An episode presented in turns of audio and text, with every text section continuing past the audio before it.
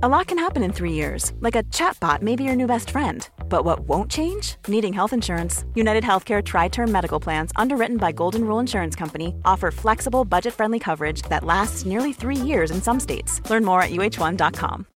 Since 2013, Bombas has donated over 100 million socks, underwear, and t shirts to those facing homelessness. If we counted those on air, this ad would last over 1,157 days. But if we counted the time it takes to make a donation possible, it would take just a few clicks. Because every time you make a purchase, Bombas donates an item to someone who needs it. Go to bombas.com slash ACAST and use code ACAST for 20% off your first purchase. That's bombas.com slash ACAST, code ACAST. Den här veckan presenteras Market Makers av inga mindre än Ikea. Och det här, Fabian, ligger mig varmt om hjärtat. Eh, det var ju några år sedan nu, men då var jag faktiskt med och inredde kontor till företaget jag drev. Men vi, och vi körde faktiskt i princip uteslutande möbler från Ikea, med kök och hela rubbet. Eh, och som nog alla vet, varför väljer man Ikea? Jo, för att det står för hög kvalitet, snygg design och fantastiska priser. Ja, jag sitter i en kontorsstol nu från eh, Ikea och jag vet ju att många finansexperter där ute gillar att köpa de här Herman Miller-stolarna för, och går de för 5 till 10 000. Och jag har ju själv suttit i sådana och jag tycker den här stolen från Ikea, den är minst lika bra om inte bättre, men liksom en tiondel av priset. Ja, jag håller med och jag sitter med ett Ikea-skrivbord faktiskt, höj och sänkbart, som är fantastiskt bra. Det enda som var synd när jag inredde kontor, det var att då hade inte Ikea lanserat sitt lojalitetsprogram för företag, men nu har de gjort det. Det heter Ikea Business Network och är man med där så får man helt enkelt massvis av extra erbjudanden och förmåner. Till exempel alla inköp samlade digitalt, en timmes kostnadsfri rådgivare med företagsinredare och tillgång till alla Ikea Family-priser. Ja, och för dig som byggde kök så hade det ju faktiskt blivit ännu billigare idag. För om du går med i Ikea Business Network får du ta del av erbjudanden som ger dig 25% på köksstommar vid köp av ett komplett kök. Och den rabatten hade ju sparat dig många, många tusenlappar. Verkligen. Och du som lyssnar, du har ju chansen att ta del av det här. Om du går in på ikea.se företag så kan du läsa mer om vad Ikea kan erbjuda för just ditt företag och du kan gå med i deras lojalitetsprogram Ikea Business Network. Vi säger stort tack till Ikea. I don't need a lot of brains in this business. I mean, I've always said if you got an IQ of 160, give away 30 points to somebody else because you don't need it in investments. What you do need is emotional stability. Wow. Very first tech IPO, and it's a big one. Stock market hit an all-time record high today. A crash is coming. Now, whether it's six months from now, 12 months, 36 months, no one knows. There's a bear market about every five years. We've gone eight years without one. People have to realize this is the biggest IPO ever. Hej och välkommen till ett nytt avsnitt av Market Makers. Hur är läget med dig Fabian? Det är fantastiskt. Börsen kraschar, men Fabbes portfölj den går uppåt. är det verkligen så? Nej. Nej. Vi ska prata lite idag faktiskt om vad man kan tänkas göra när det är svagare tider. Vi har gjort en hel del avsnitt ju om eh, recessionen som kanske eventuellt ska komma, i alla fall en nedmattning i ekonomin. Ja, vi har gjort en recension om recessionen. Ja, och då är ju frågan vad ska man äga genom den här perioden då egentligen för någonting? Jo, man ska äga defensiva innehav om man ska äga någonting alls. Eller tillväxtaktier. Ja, det har gått sådär. Nej, men det är ju så, för de, de straffas... Det som är imponerande är ju ändå att de har ju gått Eh, vi snackar om det, Amazon. Det har ju fallit eh, tre, fyra dagar, ja det har ju fallit flera veckor nu, men det har ju fallit ja, Den är väl ner i... 20 procent från toppen. Ja, men det har ju fortfarande gått 30 procent i år. Och AMD är väl ner över en tredjedel från toppen, men fortfarande gått Om typ inte 60 mer. procent i år. Ja, det är helt, eh, helt sjukt. Som sagt, den som köpte på toppen är ju inte så glad, men den som köpte i början på året har ju fortfarande inte egentligen upplevt någon större vidare Har du krasch. koll på Netflix, vad de lägger nu? De ligger Eh, också plus på året. Ja, det är åtminstone två, äh, tresiffrigt PE som vanligt. ja, ja, skitsamma. Vi ska i alla fall prata om vad defensiva bolag är för någonting, varför det kan vara intressant och eh, ja, ge några exempel också såklart. Men först, som vanligt, en liten nyhet. Vi har pratat mycket om Kina senaste tiden som ingen kan ha missat och eh, därför har vi skjutit lite på den här nyheten. Men idag tänkte vi ta upp den och det är ett intressant skifte som sker när det gäller västvärldens syn på den kinesiska företag och vilka möjligheter det ger västerländska företag helt enkelt. Ja, det är väl inte så många tror jag, som har missat Bloombergs stora story om spionchip i eh, servrar, eller ja, egentligen i moderkort till servrar. Självklart kan jag allt om den här nyheten, men om det finns någon som inte kan så mycket, så kanske du kan dra igenom det Niklas. Absolut. Eh, den väldigt, väldigt kortfattade varianten är helt enkelt att eh, jag tror att det var Amazon som upptäckte det när de skulle göra, de hade beställt in massvis med servrar, eller massvis med moderkort till sina servrar som skulle ha i sina datorhallar för AWS eller AWS som är så otroligt framgångsrikt och växer med tvåsiffrigt varje år.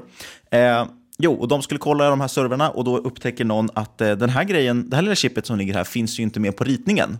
Och då börjar man undersöka vad är det Det visar sig att det är ett litet dolt chip som man har lagt in som injicerar kod då egentligen när man startar upp servern, vilket kan öppna upp bakdörrar och lite annat. Och i alla fall, lång historia kort, så har man grävt jättemycket i det här och visat FBI, de har redan vetat om det här i typ fem år, men har inte kunnat agera på misstankarna för att ja, går man in i ett bolag så, så sänker man det ju i princip. Om det då skulle visa sig vara en misstanke och inte sant, så hade ju bolaget typ konkat på den misstanken. Och det hade inte blivit så bra. Men så det här har varit något som är känt och det, det, allting det här grundade sig framförallt då i ett, ett eh, bolag som låg i Silicon Valley, men som styrs av kineser framförallt. Och de hade sina underleverantörer i Kina och ibland då när det gick ut till andra fabriker för att man hade eh, överproduktion helt enkelt, man hade för mycket produktion för att kunna ta allt själv.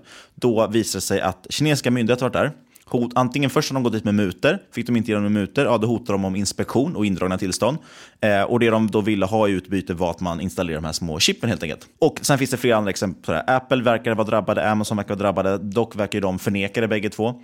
Eh, det intressanta som sagt i alla fall är att spionaget finns där. Det känns som att man är med i någon kalla kriget-film på något sätt. Man gömmer chip och grejer i servrar. Och de här servrarna har installerats både i amerikanska företag men också en del amerikanska myndigheter. Så nu håller man på att utreda det här, vad, vad som är drabbat helt enkelt. Och det finns ju andra exempel också på det här, eller hur? Ja, vi har ju två av världens största telekombolag, Huawei och eh, ZTE, som eh, ja, de har ju blivit förbjudna att göra affärer i Australien, eh, där de faktiskt har varit med på planer att utveckla 5G-nätet.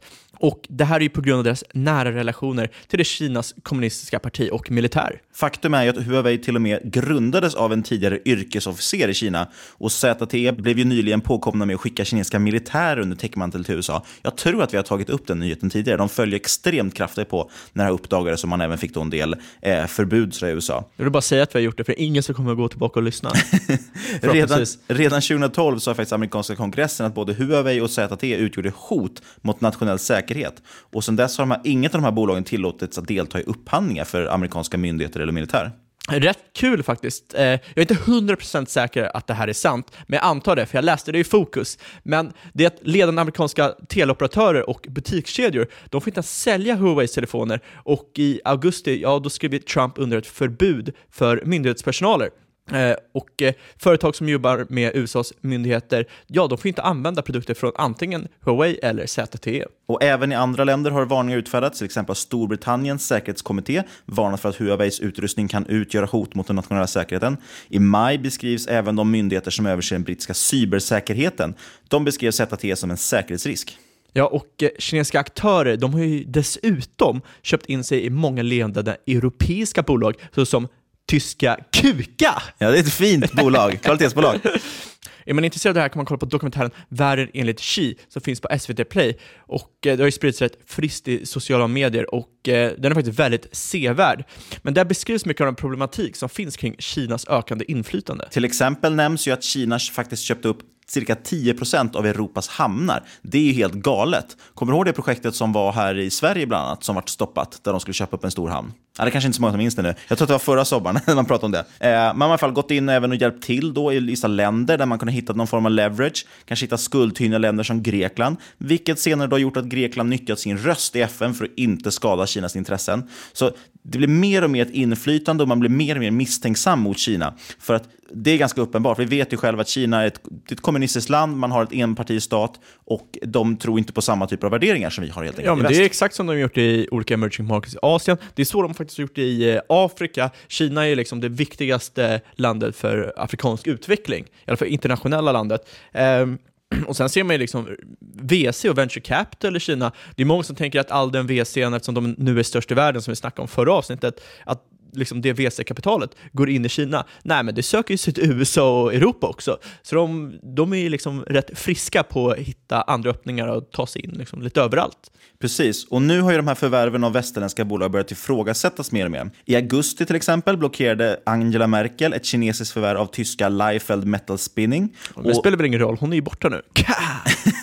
och sen dess har ett dussintals andra affärer blockerats. Eh, I mars så såg vi att Donald Trump han stoppade försäljning av Qualcomm. Det skulle bli ett av de största förvärven någonsin i tekniksektorn. Frankrike och Tyskland de har till och med gått så långt att de på EU-nivå nu vill införa ett kontrollorgan som ska se över utomeuropeiska investeringar. Det är ju ingenting nytt att europeiska och amerikanska bolag inte får verka eller förvärva fritt i Kina. Eh, och då är Huawei ett typexempel där företaget kunnat erbjuda billigare produkter än både Ericsson och Nokia tack vare statlig uppbackning och god lönsamhet på den kinesiska marknaden, eh, ja, som de europeiska konkurrenterna är helt utstängda ifrån. De har inte möjligheten att ta sig in där. Nej, så det man borde göra är att öppna upp Kina och eh, låta Stefan Löfven pumpa in pengar i Ericsson. Så vi också får ofördelar fördelar gentemot de andra. Nej, men vi har ju tidigare nämnt de här nya lagarna nu som USA införde kring kinesiska investeringar i amerikanska företag. Eh, även Kanada Storbrit och Storbritannien jobbar på liknande lagar. Och Det ska bli intressant att se vad det här tar vägen. Troligtvis det jag tänker är att det skulle kunna öppna upp för väldigt intressanta möjligheter i västerländska bolag som haft det svårt att konkurrera mot de här kinesiska bolagen. Eh, här hemma i Svedala har vi till exempel Ericsson, typexempel på det. Ja, Ericsson, de har ju börjat återhämta sig och har ju stigit hela 50% under det gångna året, men kanske utsikterna ännu bättre än man tidigare trott. Den här veckan har vi med oss Sven Wolf som är vd på poddtaxibolaget Beast. Hej Sven, vilka är Beast och vad gör ni för någonting? Ja, Beast är ju relativt nystartat företag som kör eh, korta resor i Stockholm. Man beställer oss via en app, precis som Uber. Eh, men vi ligger ungefär 30% under i pris. Och vad gör Beast unika och vad är framgångskonceptet? Ja, en av grejerna som gör oss unika är ju att vi använder oss av små elektriska tuk-tukar, eller poddtaxis som vi kallar dem för. Trehjuliga, 270 kilos eh, ja, mopedbil skulle man kunna säga. Och eh, de är, eh, det är Sveriges enda taxi med bra miljöval. Våra förare har omfattas av kollektivavtal. Så vi försöker att tänka hållbarhet, inte bara miljö utan även social hållbarhet. Ni genomför just nu en crowdfunding-kampanj. Varför gör ni det och varför ska man bli delägare? Ja, men det bottnar egentligen i att eh, vi insåg det att om vi ska ha en chans att liksom, konkurrera med de här stora företagen som Uber och Lyft och, och så småningom Google och sådär så behöver vi eh, jobba på ett annat sätt. Eh, och då insåg vi att det finns en fantastiskt stor kraft i, i crowdfunding och att låta många människor i staden vara delägare i ja, men det transportmedel som man använder sig av dagligdags. Dels som ett, ett sätt att eh, få ta del av den ekonomiska tillväxten i bolaget men också för att vi ser att det finns så otroligt mycket innovationskraft och bra idéer bland folk som använder tjänsten och bland våra delägare. Så vi tittar mycket på det, hur vi kan liksom koppla in den, den, större gruppen, koppla in crowdens kreativitet och innovationskraft för att vi ska bli bättre i vår utveckling. Vad finns det då för fördelar med att bli delägare? Ja, eh, dels är det ju glädjen att vara med och, och vara delägare i någonting som är med och gör staden bättre. Men naturligtvis, eh, den ekonomiska aspekten handlar ju om att vi har utdelning på de här aktierna. Vi, ser, vi hoppas ju att våra, våra eh, crowd-investerare är med oss på en, på en längre resa. Och, eh, där har vi ju till och med eh, i, i företagets liksom, statuter skrivit det att vi ska dela ut så mycket av vinsten som, som det går. Så i och med att vi är onoterade så är det ju, så är det ju lite bökigare att handla med de här aktierna. Så att det är ju mer av en en eh, utdelningsaktie än en handling, handelsaktie om man säger så. Och för att läsa mer om bolaget och deras crowdfunding så går du in på bit.se, alltså bzzt.se. Vi säger stort tack till Sven och till Bit. Då var det dags för dagens huvudämne. Och det är så, vi har släppt ett antal avsnitt nu där vi har varit ganska negativa till både börsen och ekonomin. Vi har pratat om tecken på avmattning, eh, recessioner, kanske till och med depressioner, ökad inflation, hit och dit, massvis med saker som känns väldigt jobbigt i magen. Så därför tänkte vi prata lite om vad man kan göra egentligen för att skydda sig för tråkigare tider. Vi ska försöka vara lite positiva helt enkelt. Nej, jag hatar positivitet. Vi vill ju inte bli stämplade som permabjörnar. Ja, det, det har vi börjat bli. Vi var väldigt positiva när vi startade podden och sen har vi långsamt, långsamt blivit liksom björnigare och björnigare. Det var ju för att marknaden gick upp. Vi anpassar oss efter rådande börsklimat. det är sant. Och har ständigt rätt. Fan vilka losers.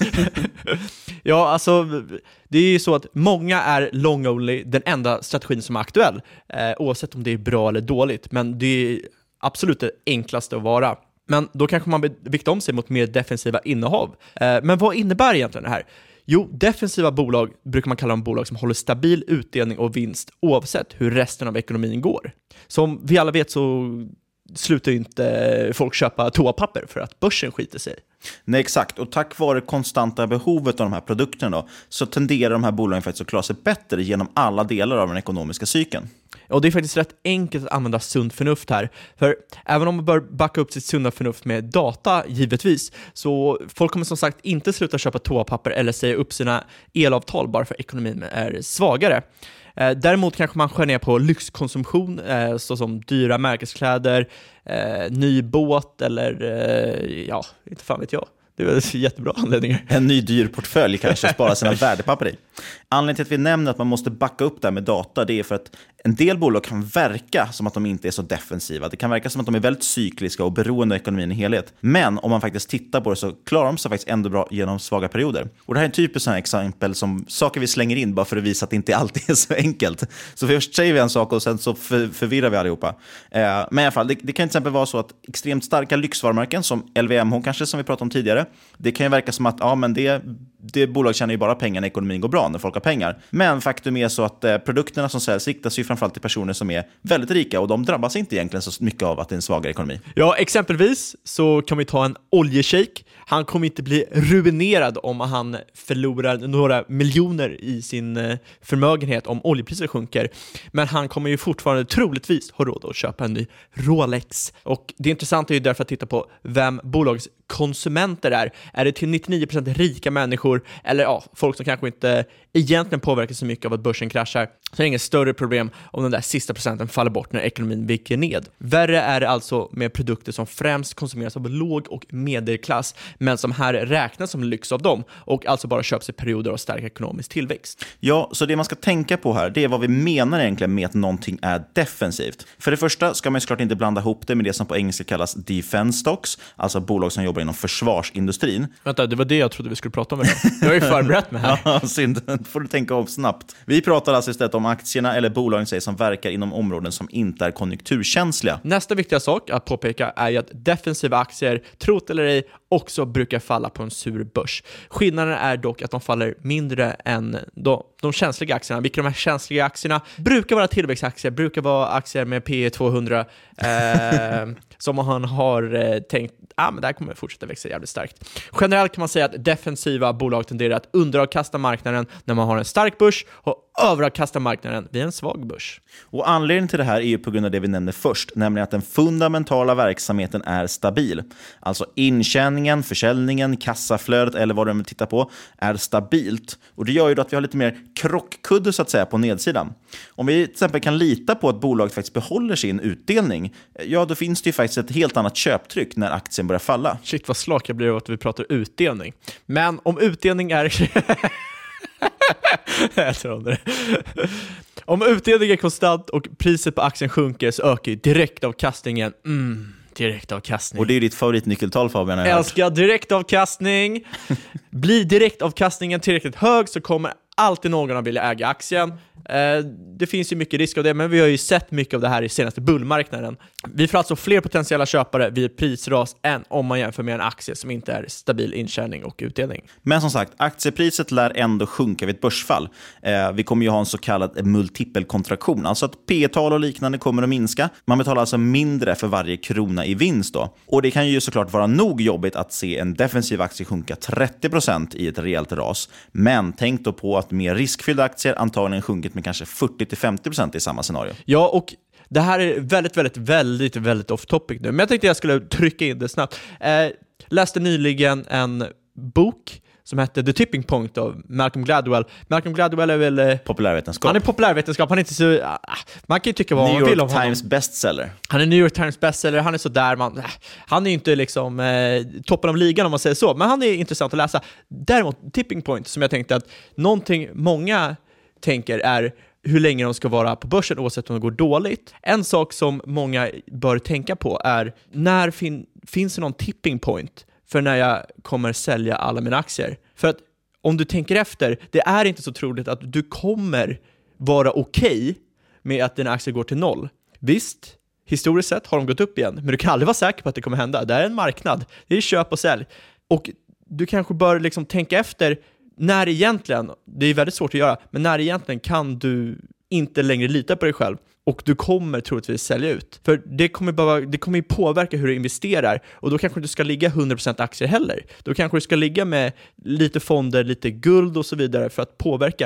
Eh, är det okej att marknaden, eller att dina aktier faller 70%? Ligg 100% aktier. Är du inte okej med det? Ligger inte 100% aktier. Om vi tar Howard Marks exempel som vi har nämnt många gånger på podden. Han gillar ju att investera defensivt. Och nu ska vi skilja på defensiva aktier och att investera defensivt. Det han menar med att investera defensivt är att han säger att man vill ha en margin of safety. Man vill köpa saker som är väldigt billiga. För att då har man helt enkelt mindre risk att de faller ytterligare och större risk att de går upp. Det vi pratar om är egentligen vill man titta på defensiva aktier så är egentligen det framförallt en väldigt bra strategi om man dessutom kanske inte har tid eller möjlighet eller kompetensen att göra noggranna analyser. För att det du gör är att du plockar igen in bolag som, som sagt, du kan sova ganska tryggt. Du vet att även okej, priset faller idag, men Coca-Cola lär fortsätta sälja sina läsker liksom nästa år också. Det är typiskt det som vi aldrig brukar ta upp i podden, men nu gör vi det. Med att man ska köpa det man förstår, man, man eh, kan vara ganska trygg att man bolagen kommer, vi vet ju för sig inte om de kommer växa, men de kommer antagligen fortsätta existera i alla fall och fortsätta dela ut pengar och så vidare. Så att det är därför de då har den här formen av krockkudden. Och som sagt, om, även om din aktie då faller 30% så kommer du garanterat sova bättre med vetskapen om att bolaget fortfarande tjänar lika många kronor som igår, oavsett vad aktien står i. Du har alltså egentligen bara en aktie som fått en bättre värdering och då har du möjlighet att öka ditt innehav över tid och faktiskt köpa dippen, som man säger. Det jag vill komma fram till som jag, jag börjar snacka om det här tipping point, jag kom aldrig fram till riktigt vad jag menade för jag blajar bort mig själv. Det jag vill komma fram till är att rent psykologiskt så kommer en viss punkt där en liten, liten ändring kommer leda till en väldigt, väldigt stark reaktion oavsett hur stark du tror att du är. Så att när allting är neutralt eller Flexibility is great. That's why there's yoga. Flexibility for your insurance coverage is great too. That's why there's United Healthcare Insurance Plans. Underwritten by Golden Rule Insurance Company, United Healthcare Insurance Plans offer flexible, budget friendly coverage for medical, vision, dental, and more. One of these plans may be right for you if you're, say, between jobs, coming off your parents' plan, turning a side hustle into a full hustle, or even missed open enrollment. Want more flexibility? Find out more about United Healthcare Insurance Plans at uh1.com. Since 2013, Bombas has donated over 100 million socks, underwear, and t shirts to those facing homelessness. If we counted those on air, this ad would last over 1,157 days. But if we counted the time it takes to make a donation possible, it would take just a few clicks. Because every time you make a purchase, Bombas donates an item to someone who needs it. Go to bombas.com slash ACAST and use code ACAST for 20% off your first purchase. That's bombas.com slash ACAST, code ACAST.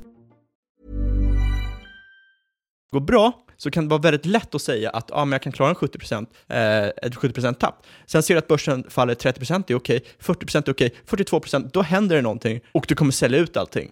Det är liksom, du rannsakar dig själv, se vad som händer där. Ja, och det som händer där, förlåt att jag avbryter, men det som händer där då, den gick över 42% som exempel, det är att du får panik för att någonting antagligen Exakt, till slut exakt. gör att du får panik och inser att men shit, det här bolaget håller på att konkar, eller jag vet inte hur det här kommer gå i framtiden. Och det är väldigt lätt att tänka så, framförallt kanske med ett tillväxtbolag, för att det är prisat på ett sätt för att behålla den här tillväxten. Eh, vissa bolag kanske inte ens riktigt har bevisat sig än. Om du tar klassiska förhoppningsbolag, bygger ju på hela den idén att förhoppningsvis kommer det gå jättebra i framtiden. Hade du hållit kvar Ja. Amazon om du har P 10? Eller om du sjunker ner till P 10? Nej, det är nog det- inte så många som håller kvar det. Nej, och, och det är det som är frågan. Då har du då det som vi kallar då defensivt innehav, någonting som du kan ganska säkert i alla fall, du har i alla fall åtminstone historiken på din sida, och det här bolaget har levererat pengar genom alla tidigare recessioner i princip, så vet du ju att ja, då kommer det antagligen leverera pengar imorgon också, och då känns det lite tryggare, lite lättare att hålla kvar. Och det vi pratar om här, när jag säger att övriga börsen går ner 50% medan dina då defensiva innehav kanske går ner 30%. Den här avkastningen relativt börsen i sin helhet brukar ju kallas för beta, eller snarare hur dina aktier följer börsen kallas för beta. Och man brukar då säga att defensiva innehav oftast har ett beta under 1. Vad betyder det? Jo, utan att gå in på för mycket detaljer så kan man säga att om ett bolag har ett beta på 1, då följer marknaden slaviskt. Alltså går börsen upp 10% kommer din aktie också gå upp 10% om den betar beta 1. Har den mindre än det så kommer den antagligen röra sig mindre. Ja, du kan ju säga att det är ett mått på marknadsrisken helt enkelt. Det är hur mycket påverkas aktien av börsen eh, i övrigt. Och eh, ja, som Niklas sa är aktier med beta över 1, de är mer volatila än index, de rör sig kraftigt upp och aktier med beta under 1, ja de har ju lägre volatilitet och de kommer alltså röra sig mindre. Och ja, något man gärna vill se när börsen rör sig kraftigt nedåt är ju att ens aktie inte rör sig lika kraftigt nedåt. Exakt, så oftast brukar det vara så när börsen går upp, då kan det vara kul att ha aktier som har beta högre än ett. Eh, förhoppningsvis om de rör sig åt rätt håll då förstås. Men man vill ju ha den rörelsen gärna förstärkt med lite hävstång i princip och på nedsidan vill man gärna minska det. Och som sagt, det är en grov förenkling av beta och vi intresserar oss idag enbart på att förklara hur beta kan vara intressant när man letar defensiva innehav. Men jag tycker så här, nog om definitioner och grekiska bokstäver. Låt oss diskutera vilka typer av innehav som kan vara defensiva. Först ut är det som på engelska heter consumer staples. Den bästa svenska översättningen det är väl dagligvaror. Eller har du en bättre översättning? Det låter fantastiskt. det här är extremt enkelt att greppa och det är en väldigt bra kategori att titta på om man vill följa det gamla rådet att köpa det man förstår. Ja, consumer staples, det är ju helt enkelt varor som mat, dryck, eh, hygienprodukter, produkter, eh, tobak som jag snackat tidigare om. Eh, ja, det är allting som du kan tänkas dig använda dagligen, som du inte kommer ge upp av oavsett anledning. Klassiska bolag här är ju Coca-Cola, eh, Walmart eller Kimberly Clark. Ja, ni hörde rätt. Kimberly Clark. Coca-Cola känner alla till, butikskedjan Walmart känner nog också alla till, men Kimberly Clark, ja, det är inte lika känt som företag, möjligtvis. Men de tillverkar många engångsartiklar i papper, såsom våtservetterna Kleenex, eh, blöjor, toalettpapper och ja, flera andra produkter med stabil efterfrågan. Eh, ytterst intressant företag.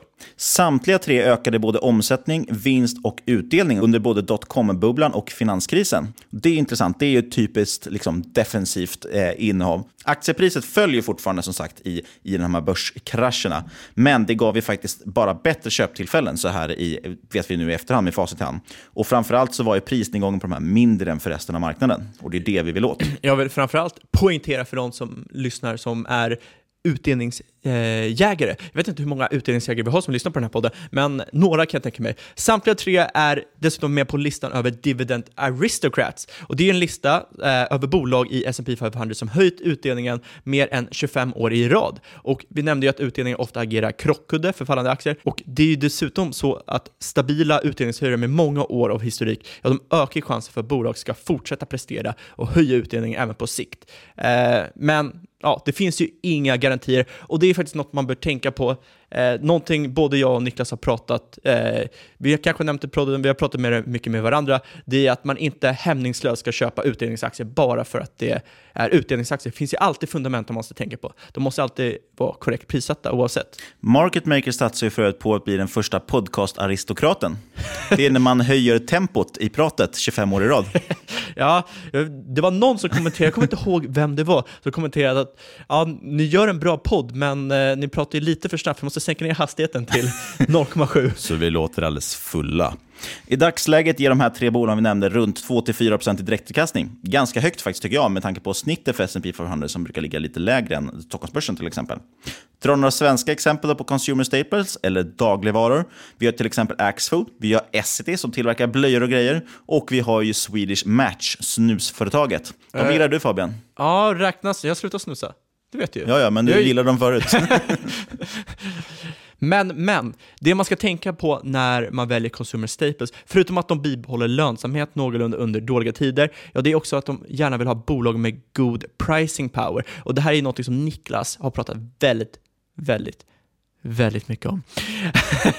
alltså starka märken och möjlighet att höja priser om inflationen skulle komma igång, vilket är väldigt intressant nu när man säger räntan är på väg upp, inflationen troligtvis på väg upp, löner på väg upp, vilket triggar inflationen också. Så att god pricing power är väldigt viktigt. Och det som är intressant, det här, nu bara en sidostickare, som jag har brottats med väldigt just, mycket med just nu, det är att en av de källor som jag följer som jag tycker är väldigt, väldigt duktiga, de är en av få som basunerar ut att de tror att inflationen ska stanna av istället. Och Det tycker jag är jättejobbigt, för de framför väldigt goda argument, men så finns det också väldigt goda argument för att inflationen ska dra iväg. Så vi vet inte vilket håll den ska åt. Oavsett vilket. Riktigt oskönt att säga min källa säger att det är så här, men jag tänker inte säga källan. Ja, men det är HSI. Nej, men oavsett vilket så är i alla fall pricing power en form av hedge mot inflation, så kan man väl säga. Ja, absolut. Med stigande Självklart. kostnader. Självklart. Ja, det har vi såg vi, om vi tog det som exempel, vi nämnde ju Essity, de har ju haft faktiskt problem med just råvarupriser som har stuckit upp, och då är det framförallt på, på papper och virke och sådana saker, som nu dock har börjat komma ner igen, men det är en annan historia. Vi går över till nästa kategori av eh, defensiva innehav, och det är utilities. Och här saknar jag faktiskt en bra översättning. Men utilities, de inkluderar ju saker som kan räknas som infrastruktur, kan man väl säga. Det kan ju vara vatten, det kan vara gas, det kan vara kraftförsörjning. Och personligen vill jag nog också påstå att jag tycker att vissa telekombolag kanske kan räknas in bland infrastruktur idag. Det är ju inte så att det kommer säga upp vårt bredband och telefonabonnemang bara för att ekonomin är svag. Eh, men definitionsmässigt då, vi har ju utgått oftast från S&P 500 och deras eh, sektorindelningar, så de kan man söka på om man vill hitta bolag i de här kategorierna. Och där har telekom en egen sektor. Eh, ja, jag har inte superbra koll på sådana här bolag i eh, Sverige, men eftersom både jag, du och podden är väldigt USA-centriska så finns det ju många exempel på andra sidan sjön. Och du har ju till exempel Duke Energy Corp, du har till exempel American Waterworks. Ja, och eh, det, spontant det man kommer på, så här, det är väl Fortum tänker man på, finns ju i Finland, så där, men i Sverige har inte stenkoll. Eh, däremot har vi telekommunikation. Och som sagt, telekommunikation räknas egentligen inte in i utilities. Det brukar heller inte klassas som eh, defensiva Det låter som min farfar. Ja, men har du en telekommunikation? men det heter ju telekom. Ja, ja, skitsamma.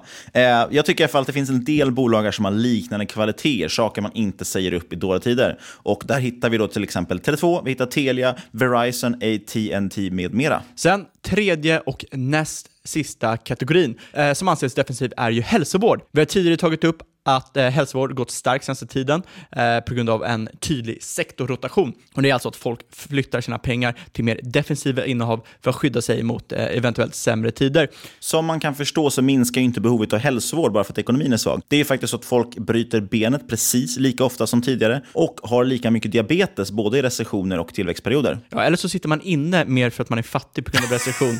Nej, men en riktig favorit för svenska sparare det är Johnson Johnson. Klarar sig riktigt bra genom de senaste två recessionerna med både ökad försäljning och ökad utdelning. Då är frågan Fabian, Johnson Johnson, favorit bland utdelningsinvesterare på Twitter. Frågan är, är de en dividend aristocrat? Ja, men, men de är inte bara en dividend aristocrat, utan de är till och med en dividend king. För de har delat ut i eh, 50 år i rad. Eh, alltså de har höjt utdelningen till och med i 50 år i rad. Det är rätt imponerande, vad tycker du? Sjukt imponerande faktiskt. Eh, dock ligger direktavkastningen bara på runt drygt 2 eh, så det är ju inte jätteimponerande på så sätt. Men som sagt, det kan vara också återigen den här krockkudden i sämre tider så vet man att ja, det här bolaget lär antagligen fortsätta sälja sina piller och då lär fortsätta öka sin utdelning. Och det enda man egentligen i dagsläget kan invända kanske mot hälsovård som defensiva innehav, det är väl möjligtvis den här ökande förekomsten av så kallad generika, det vill säga man kopierar helt enkelt eh, medicin som finns på marknaden och säljer den billigare. Och eh, ökade oroligheter även i USA kring priser på medicin och så där. Det såg vi ju inte minst när, under valet eh, mellan Trump och Hillary.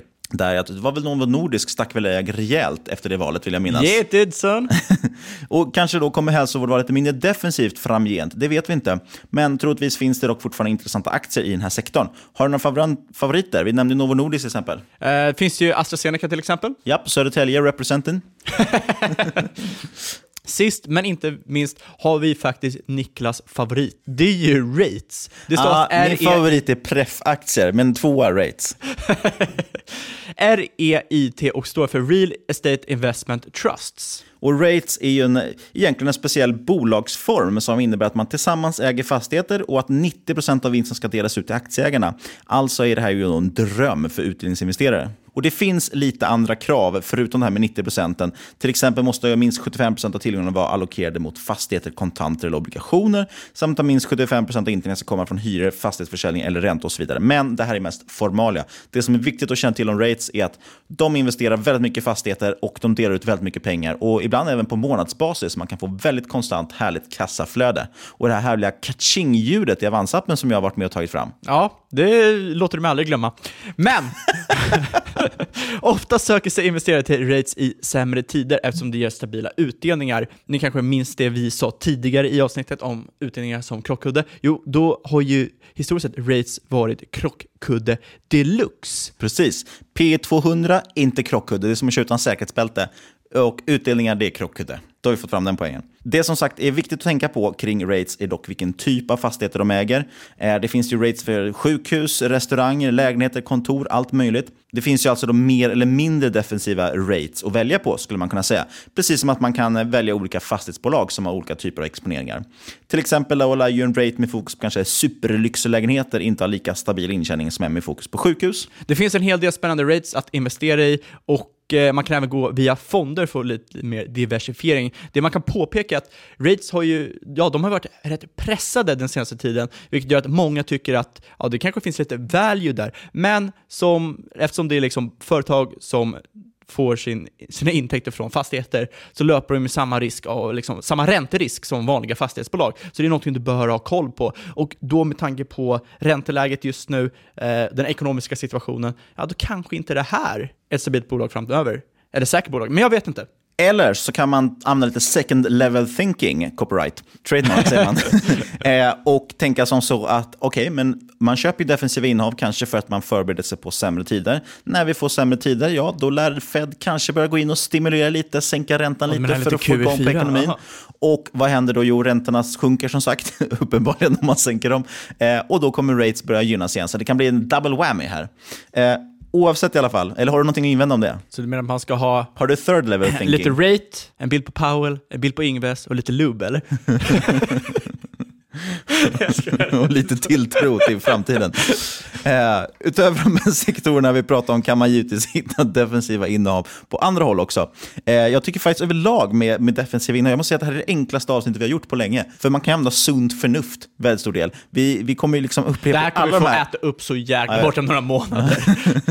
Men vi använder ju alla de här klassiska klyschorna om att man ska köpa det man förstår allt vad det är. Och det, det kan man i alla fall säga lite mer om defensiv innehav. Eh, det som sagt, det säger sig självt att folk lär behåll, vilja behålla sina Netflix-abonnemang till exempel i tuffare tider, trots att det inte är en consumer staple utan en consumer discretionary. Ja, sen kanske det är en annan grej om eh, Netflix kan behålla sin verksamhet om eh, räntorna fortsätter stiga. Men det är en helt, ett helt annat avsnitt. Eh, Den diskussionen har vi haft med Magnus, då får man lyssna på det avsnittet. Titta gärna tillbaka som sagt, på omsättningen under tidigare recessioner och liksom avmattningen i ekonomin, till exempel 08-09, är ganska bra, kan man sortera på 10 år. Det är det som är problemet med den här bullmarknaden blir så lång, att många sådana verktyg, eller bara om man går in på på jag vet, inte, Avanza, någonting, då är det alltid tio år ofta, sätter de in som max. Eller det, är så här, det är det som brukar användas. Så då ser man inte hur det gick förra, förra eh, recessionen.